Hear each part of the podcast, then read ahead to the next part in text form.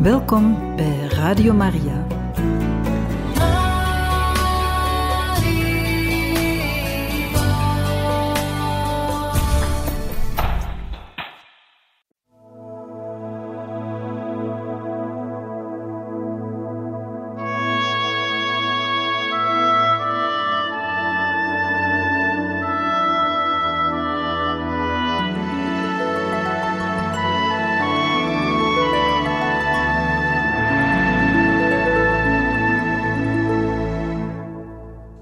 Beste luisteraars van Radio Maria, in dit programma Heilige Getuigen gaan we verder met de lezing van het boek over Johannes van het Kruis, met de titel Geboren uit Gods adem en geschreven door Crisogono de Jesus.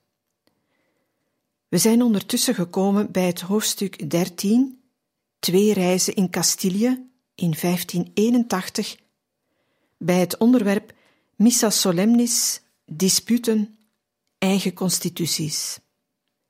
Veel luisterplezier. De volgende dag, zondag 5 maart, wordt er een plechtige processie georganiseerd. Daaraan wordt deelgenomen door de 52 karmelieten in witte mantels, door de volledige universiteit die prestito juramento is opgeroepen, door de religieuzen van alle toenmaals talrijke ordes die er in Alcalá zijn. Door de corregidor, met heel de raad, de adel en de kleinere edellieden van de stad. De processie vertrekt uit de Karmelietenkerk. Voorop het kerkelijk muziekkorps en daartussen de litanieën zingend de beneficiarii van de hoofdkerk, namelijk de doctores de la Puente en camera in hun brokaten koorkappen. Achter hen de muzikanten van de collegiale kerk die antwoorden op de litanieën. Pater Antonio de Jesus zal de mis opdragen. Hij wordt geassisteerd door de paters Diego de la Trinidad en Gregorio Nascianceno, respectievelijk in koorkap en dalmatiek. Nu zij de hoofdkerk naderen, komt heel het kapittel naar buiten, voorgegaan door dokter Ottadouei, kanuniek en professor in Scotus, in koorkap gehuld om de processie te ontvangen. Pater Juan de las Cuevas, de apostolisch commissaris en de pasgekozen pater provinciaal, Geronimo Gracian, lopen tussen de rector van de universiteit en de markies van Mondejar. Bij hen aan weerskanten de corregidor van de stad en de conservator van de universiteit. De San Justo-kerk is boordevol, wat het binnengaan van de processie bemoeilijkt. Men zingt een missa solemnis. Pater Gracian preekt. Zijn welsprekendheid is bekend in Calcala de Henares. En de processie keert met dezelfde plechtigheid en met de muziek terug naar het Karmelietencollege, terwijl men het Te Deum zingt.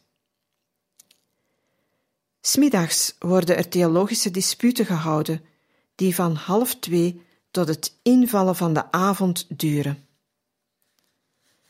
Pater Cuevas treedt op als voorzitter. De stelling wordt verdedigd door Pater Juan de la Madre de Dios. Tal van universiteitsprofessoren opponeren. De academische zitting blijkt briljant en staat met eer vermeld in de annalen van de Universiteit van Alcalá. Het kapitel van de ongeschoeide duurt anderhalve week. Er worden constituties opgesteld voor de mannelijke en voor de vrouwelijke religieuzen. Ze worden op 15 maart ondertekend door de voorzitter, de provinciaal en de definitoren, onder wie Johannes van het Kruis.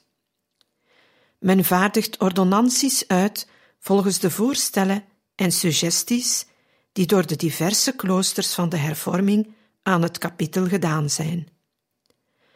Men gedenkt de overleden ongeschoeide, Men houdt verschillende academische zittingen en men proclameert de kapiteldocumenten.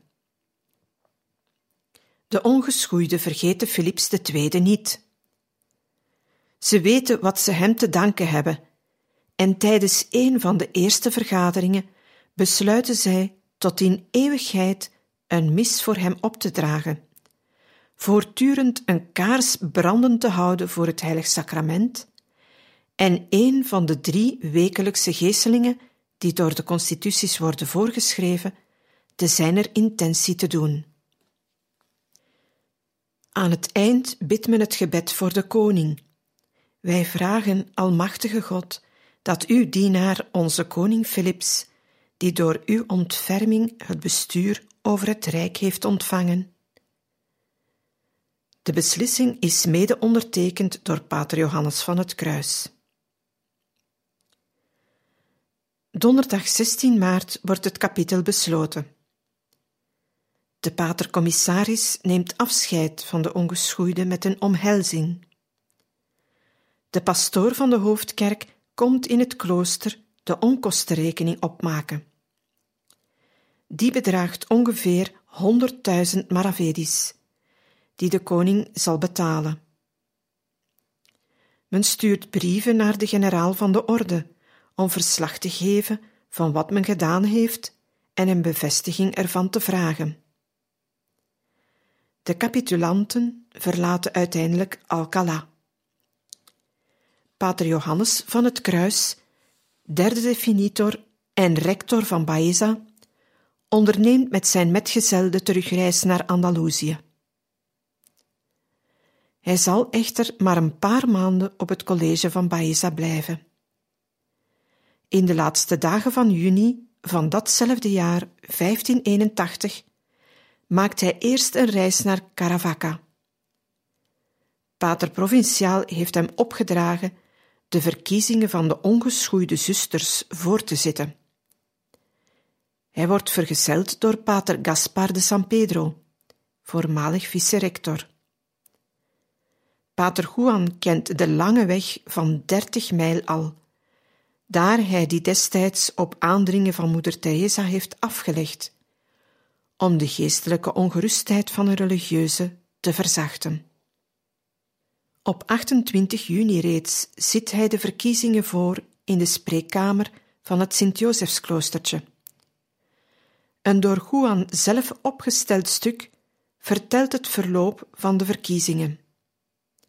Pater Johannes van het Kruis en de zusters van San José de Caravaca, van de Orde van Onze Lieve Vrouw van de Berg Karmel, van de eerste regel. Aan onze eerwaardige Pater Geronimo de la Madre de Dios, provinciaal van genoemde orde, heil en genade van de Heilige Geest.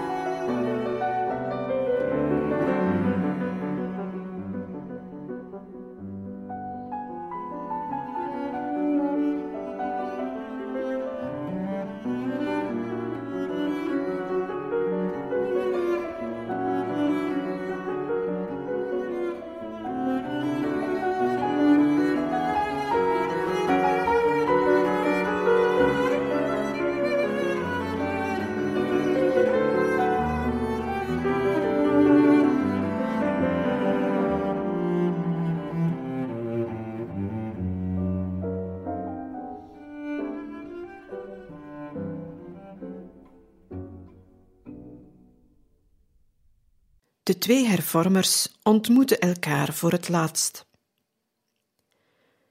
Juan maakt vijf maanden later nog een reis die langer en gecompliceerder is. Het is een reis naar Castilië. De vicaris provinciaal voor Andalusië, een functie die op het kapitel van Alcalá gecreëerd werd en waarvoor pater Geronimo de la Madre de Dios pater Diego de la Trinidad heeft aangewezen, had besloten een stichting van ongeschoeide monialen te doen in Granada. Moeder Ana de Jesus, die al vier maanden geleden haar prioraat in Beas beëindigd heeft, is rechtstreeks betrokken bij deze zaak. In oktober 1581 komt pater Diego in Beas om er over de stichting te onderhandelen. Het is een argeloze man die echter weinig gewoon is aan zakelijke aangelegenheden. Hij denkt dat het allemaal nogal makkelijk is. Men heeft hem op mooie woorden onthaald in Granada en hij denkt dat daarmee alles in kannen en kruiken is. Maar moeder Anna, intelligent, realistisch en al eens eerder van een koude kermis thuisgekomen, heeft zo haar bedenkingen en wil eerst de rector van Baeza, haar biechtvader, raadplegen. Ze roept Johannes van het Kruis.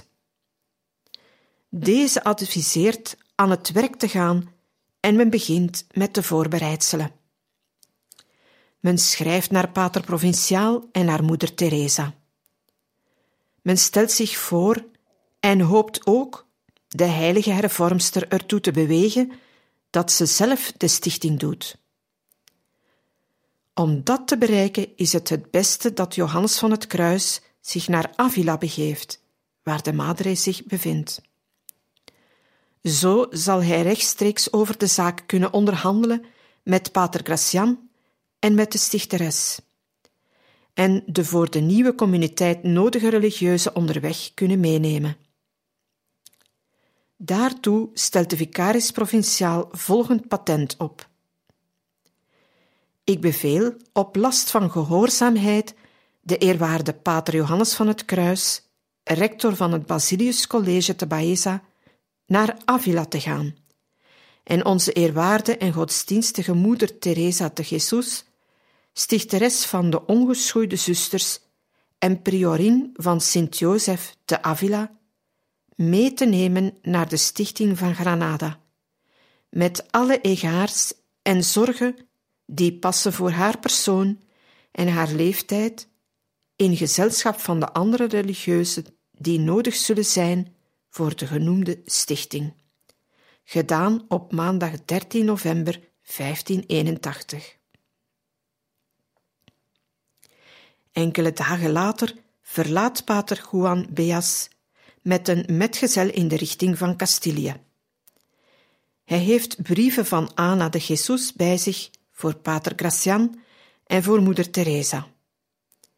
Hij heeft ook muildieren en geld voor de terugreis die hij samen met de hervormster en de moniale hoopt te doen.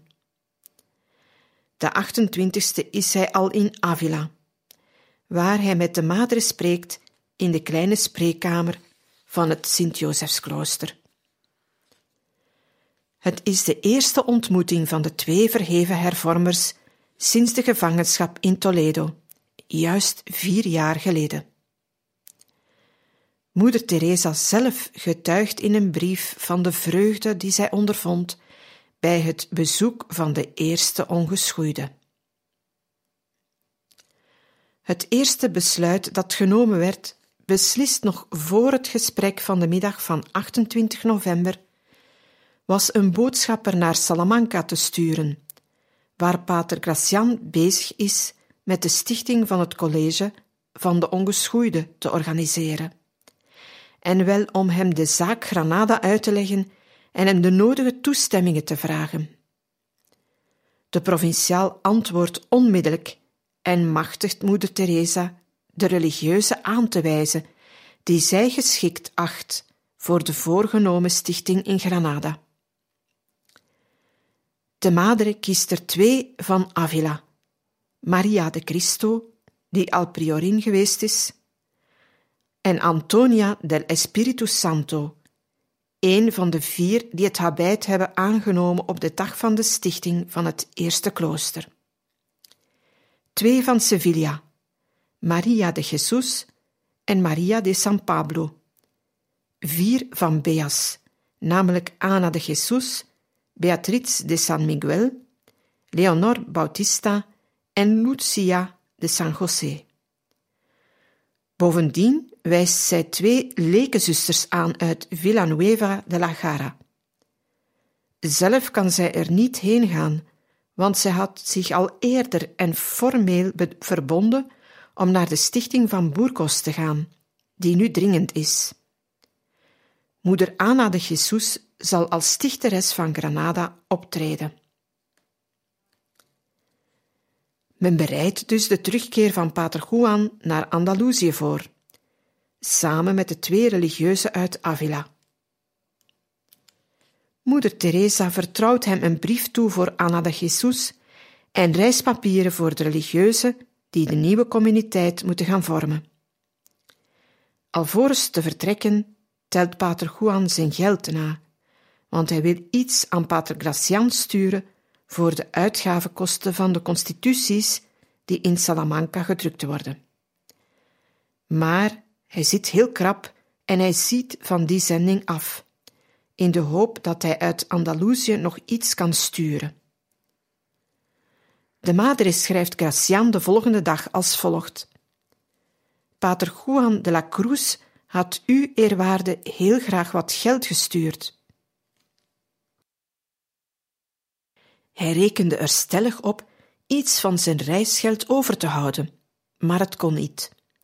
Ik denk dat hij het zo zal regelen dat hij u, eerwaarde, later nog iets kan sturen. Op 29 november verlaten Juan, zijn metgezel en de twee zusters Avila, op weg naar Andalusië. Moeder Teresa blijft heel droevig achter. De twee zusters die weggaan daarentegen en vooral Maria de Cristo zijn heel blij.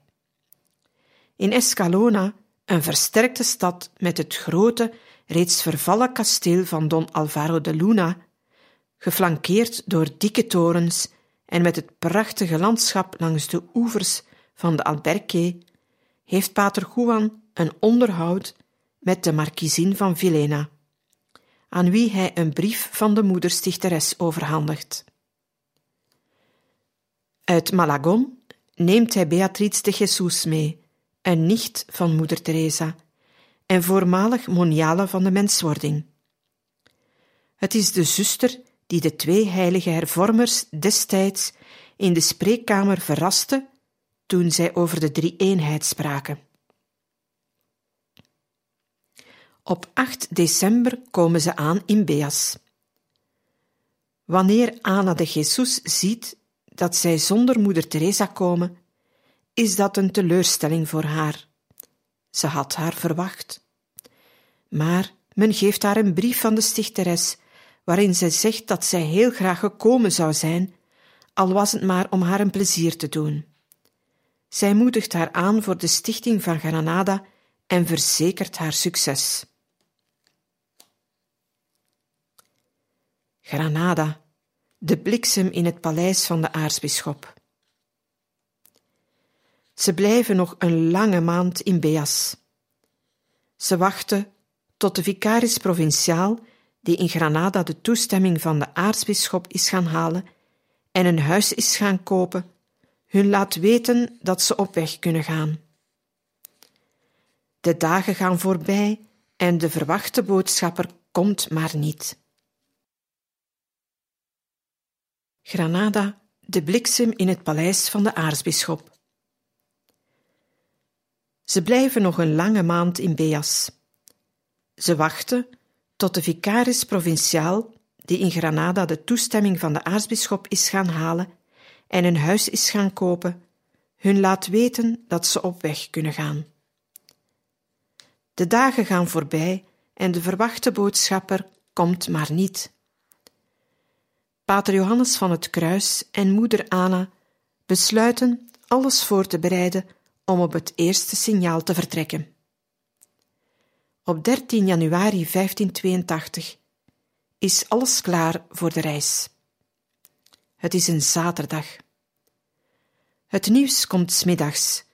De vicaris provinciaal stuurt hun een boodschap dat ze zich op weg kunnen begeven, en niets kan hen nu nog tegenhouden. Zelfs niet een vreselijke storm die opkomt. Zo vreselijk dat het leek of de wereld ineenstortte met het water en de hagel. Zoals moeder Anna zelf zegt. Zelfs geen ziekte die Anna de Jesus heeft opgelopen en die de dokters angst aanjaagt. Ze pakken de muilezels en maandag de vijftiende om drie uur in de nacht verlaten ze Beas en slaan de weg naar Granada in. Het zijn zeven monialen, Pater Johannes van het Kruis en Pedro de Los Angeles. De wegen, overstroomd door het onweer van zaterdag, zijn onbegaanbaar. De muilezels glijden uit in de slijkerige modder. Maar het is mooi weer. Ze stoppen na acht mijl in Toro Perogil, een historisch dorpje rechts van de Guadalquivir, haast een mijl van de oever. Ze verwelkomen een meisje dat het habit van lekenzuster gevraagd heeft en Catalina de Los Angeles wil heten. Daarna hervatten ze hun reis via Ubeda, Baeza, Itzenalos. En ze zijn in Daifontes, een dorpje tussen de sierras van Aunar en van Arana, aan de linkeroever van de Kubila, een zijrivier van de Genil. Tijdens het oponthoud al daar op hun weg overleggen moeder Anna, Johannes van het Kruis en zijn metgezel over de manier waarop zij de toestemming zullen krijgen van de aartsbisschop, die volgens hun informaties hardnekkig weigert die te geven. Dan horen ze plots een donderslag die moeder Anna als verschrikkelijk kwalificeert. Ze zullen weldra vernemen dat op dat ogenblik de bliksem is ingeslagen in het aartsbisschoppelijk paleis te Granada, vlak bij de kamer waar de prelaat sliep. De bliksem heeft de bibliotheek vernield, enkele muilezels gedood en de aartsbisschop ziek van angst gemaakt. Dat was op 18 januari. De 19e komen ze in Albolote, precies een mijl van Granade. De vicaris provinciaal komt hen tegemoet om hun te zeggen dat alles geannuleerd is. De aartsbisschop geeft geen toestemming en de eigenaar van het huis wil het, nadat hij begrepen heeft dat het voor een zusterklooster is, niet meer verkopen. Ondanks het reeds getekende contract en de vijftigduizend ducaten die men hem als waarborg biedt. Er is geen andere mogelijkheid dan voorlopig te logeren in het huis van een adellijke weduwe, die zich liefdevol heeft aangeboden om hen te ontvangen. Zij heet Anna de Peñalosa. Ze heeft alles al ingericht, zelfs een kapel in de vorstelijke hal van haar huis. Waarschijnlijk bestaan er alleen nog twijfels bij de vicaris provinciaal, die tot dan toe nogthans zo lichtgelovig was bij al de beloftes die zonder resultaat zijn gebleven. Maar de stichters zelf aarzelen niet. Ze moeten naar Granada. En de twintigste, nadat ze de tijd berekend hebben waarop de aankomst s'nachts zou gebeuren, kloppen ze verscheidene uren voor zonsopgang aan bij het paleis van de adellijke weduwe. Het is drie uur in de nacht. Dona Ana de Peñalosa verwachtte hen. Zij voelt zo'n sterke ontroering dat zij haar tranen niet kan inhouden. De religieuzen wenen ook als ze de hal zien, die reeds als kapel is ingericht. Ontroerd heffen zij de psalm Laudate Dominum omnes gentes aan.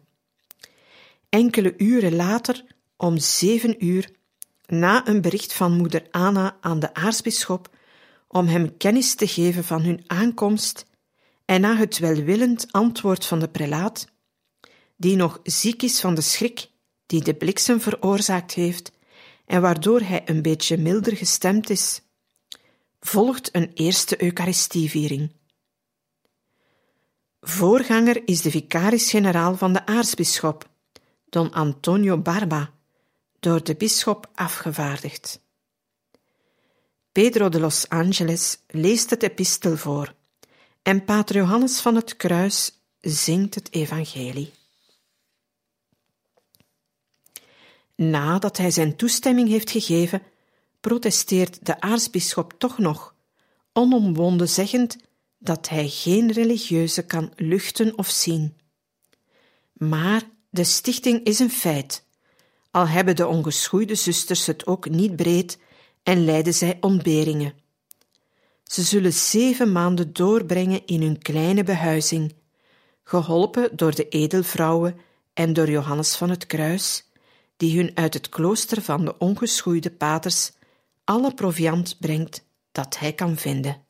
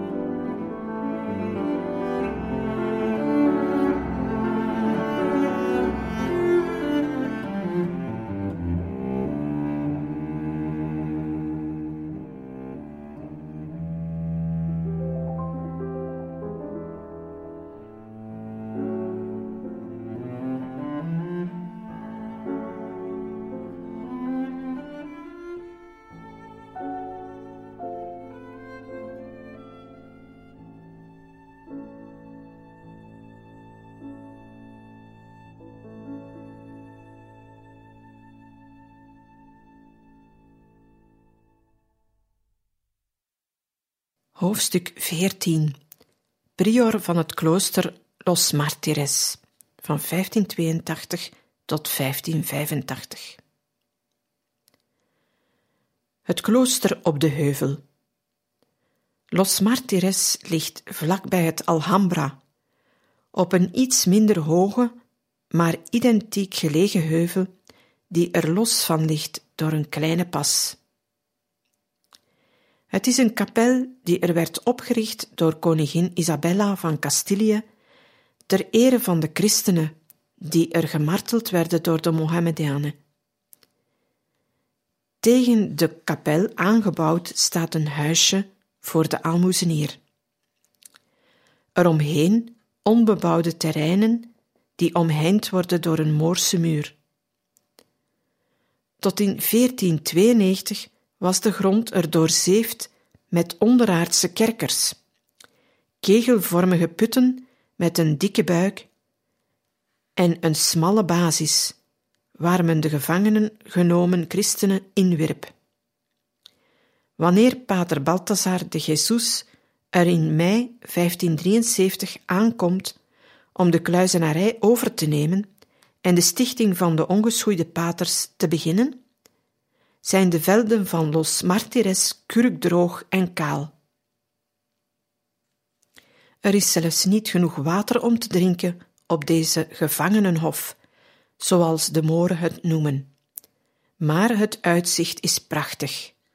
Naar het oosten, aan de achterzijde, het enorm grote hoge massief van de Sierra Nevada met zijn 3000 meter hoogte. In het zuiden de zeven mijl brede vlakte van Granada, bespoeld door de Genil en ingesloten tussen sierras en heuvels. In het noordoosten het paleis van het Alhambra met zijn gouden muren en oosterse tuinen. Hogerop het prachtige morenslot, het Generalife. In het westen, eerst aan de voet van de Martiresheuvel, de stad. Paleizen, torens, smalle straten, bebloemde balkons en verder weg de met gehuchten bezaaide vlakte die uitloopt op de sierras van Loya. Wanneer Johannes van het Kruis in de laatste dagen van januari 1582 voor het eerst opklimt naar Los Martires, heeft het gevangenenhof heel wat veranderingen ondergaan. Het is al negen jaar dat de religieuze er verbeteringen aanbrengen. De heuvel is niet helemaal kaal meer. Men ziet er wat bomen, tuinen, een wijngaard en zelfs een bassin dat ze in 1573, 1574 hebben aangelegd, toen pater Francisco de Jesus er overste was. Daar wordt het water in opgevangen van een bevloeiingskanaal dat het naar het Alhambra bracht en dat Philips II hun met een op 27 december 1576 te Guadeloupe gegeven patent heeft overgedragen. De wijngaard werd geplant in 1573, toen pater Gabriel de la Concepción er overste was. Bij het omspitten van de tuin kwamen er graven van moren en christenen voor de dag. In die van de moren stonden er naast de geraamtes kleine aarden of granieten potten. In die van de christenen Mariabeeldjes of zilveren kruisbeelden. Het klooster zelf was verbeterd. Men had de oorspronkelijke aalmoezenierswoning naast de kluis uitgebreid. Als enige slaapplaats had het een zaal waar de eerste ongeschoeide bij hun aankomst gewoon op de vloer drie gevlochten matten legden, met stenen van elkaar gescheiden. Pater Agustin de los Reyes, de eerste prior van het klooster in 1580, heeft een grote zaal gebouwd met uitzicht op de vlakte. Allen hebben de armen uit de mouwen gestoken, de prior die als opperman hielp niet uitgezonderd na zijn habit opgebonden te hebben. Nu eens bracht hij in manden het materiaal aan en dan gaf hij weer stenen door aan de meester metselaars. Bij de aankomst van Johannes van het Kruis hebben de religieuzen van Granada sinds enige tijd geen prior meer. Agustín de los Reyes is meer dan een half jaar geleden door de provinciaal naar Salamanca geroepen, waar hij tot rector benoemd werd van het nieuwe Salmatijnse college dat men pas gesticht had. De ongeschoeiden van Los Martires kunnen volgens de nieuwe constituties van Alcalá, die in die tijd in Salamanca gedrukt werden, onverschillig welke pater van de provincie tot hun prior kiezen. Of die overste is van een ander klooster, doet er niet toe. Vervult hij die taak sinds minstens twee jaar, dan verliest hij die door die nieuwe verkiezing en die nieuwe taak. De religieuzen van Granada laten hun keuze dan vallen op Pater Johannes van het Kruis en kiezen hem als prior. De communiteit van Los Martires is niet talrijk. De uitbreiding van het huis heeft het mogelijk gemaakt het aantal van drie ongeschoeiden die er in het begin waren te overstijgen. Maar er zijn maar weinig religieuzen in Granada in de tijd dat Juan er aankomt. Later bereikt het aantal 18 of 20 religieuzen. Allen hebben een of andere herinnering nagelaten met betrekking tot hun heilige prelaat.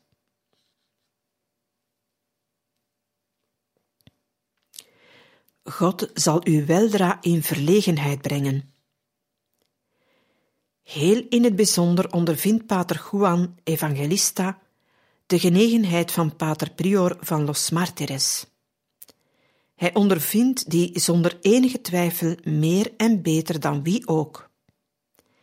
Hij zal ongeveer negen jaar lang zijn reis- en woongezel zijn, getuige van zijn boetedoeningen van zijn liefde voor de schoonheid van de natuur, van zijn bezorgdheid voor de zieken en zelfs van het schrijven van heel wat van zijn mystieke traktaten. Hij hoort hem verscheidene malen de bicht. De heilige begint met hem tot econoom van het klooster te benoemen.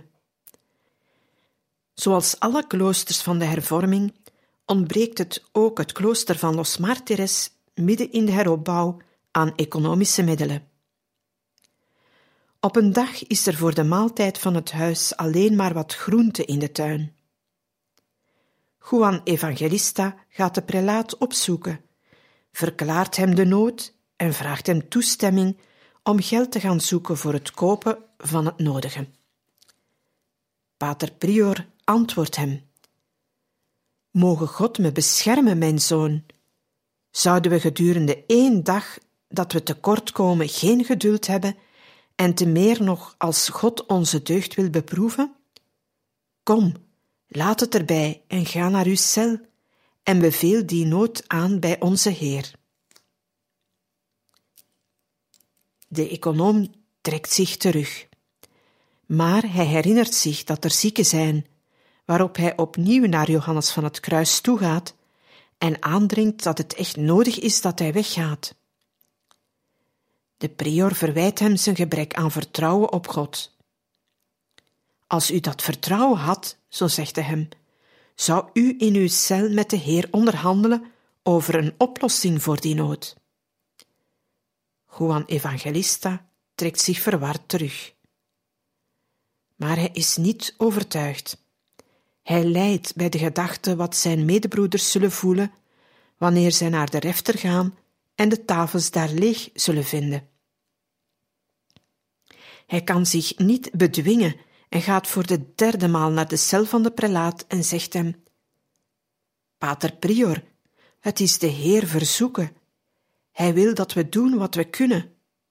Geef me toestemming, eerwaarde, en ik zal hun vandaag te eten geven. Met een vaderlijke glimlach zegt Johannes van het Kruis hem: Ga dan maar, neem een metgezel mee, en u zult zien dat God u weldra in verlegenheid zal brengen, wegens het beetje geloof dat u maar gehad hebt. De econoom heeft nauwelijks een voet over de drempel van het klooster gezet, of hij staat voor de neus van de licentiaat Bravo, griffier van het gerecht, die hem vraagt waar hij heen gaat. Eten zoeken, antwoordt Juan Evangelista. Kijk eens aan, ik kom u een veroordeling brengen, een boete, die de heren van het gerecht voor het klooster bestemd hebben. Hij geeft hem twaalf goudstukken. Pater Evangelista keert naar het klooster terug, tegelijkertijd blij en in verwarring. Hij brengt verslag uit aan de prior over wat er gebeurd is en overhandigt hem de goudstukken ter waarde van driehonderd realen. De heilige prelaat zegt hem in tegenwoordigheid van pater Balthazar de Jesus hartelijk Hoeveel roemrijker zou dat voor God geweest zijn als u in uw cel was gebleven en God u het nodige gezonden had, zonder dat u zich zoveel zorgen had gemaakt. Leer u op God te verlaten, mijn zoon. Beste luisteraars, we zijn voor vandaag weer aan het einde gekomen van deze lezing uit het boek over Johannes van het Kruis. Bedankt voor het luisteren, nog een fijne avond en tot volgende keer.